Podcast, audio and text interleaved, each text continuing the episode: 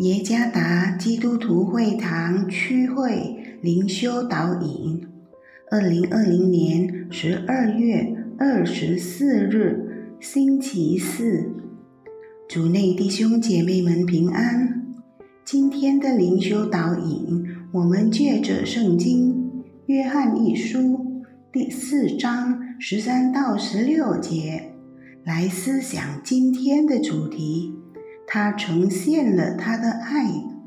作者：傅国峰牧师。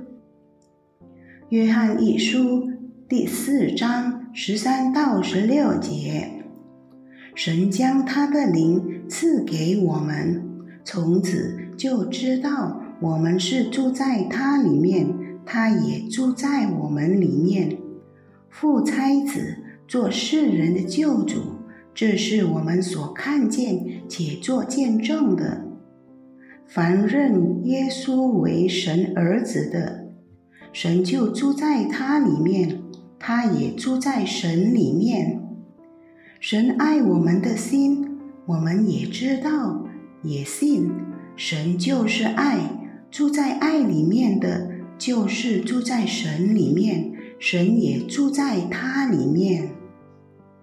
活在一七五一年到一八二零年的克莱门特·霍夫鲍尔 （Clement Hofbauer），因他满有爱心的虔诚奉献而被天主教教会铭记为维也纳教会的使徒。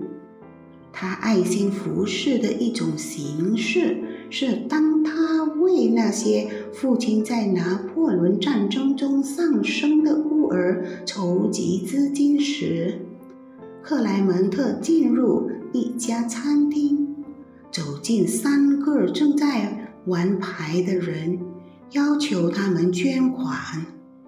其中一个对他咒骂并吐唾沫。克莱门特平静地拿了一条手帕，擦了擦脸颊上那个人吐的唾液，说道：“谢谢你给我的唾液，还有其他能给孤儿的吗？”克莱门特这样的反应，使这个邪恶的人看到如此非常的大爱，以至于他伸手从口袋里。掏出所有的钱，给了克莱门特·霍夫鲍尔。使徒约翰在这段经文中解释说，上帝已透过耶稣基督表明了他对使徒们的爱。约翰书信的读者看到了，上帝是因为他们在信徒彼此相爱的生活中。看到了上帝，因此，约翰书信的读者可以见证上帝已差遣耶稣基督成为救世主的真理。十四节，除了在他的会众团契里再次表达救主的爱，教会没有其他。更有效的方式来向世人见证耶稣是救世主。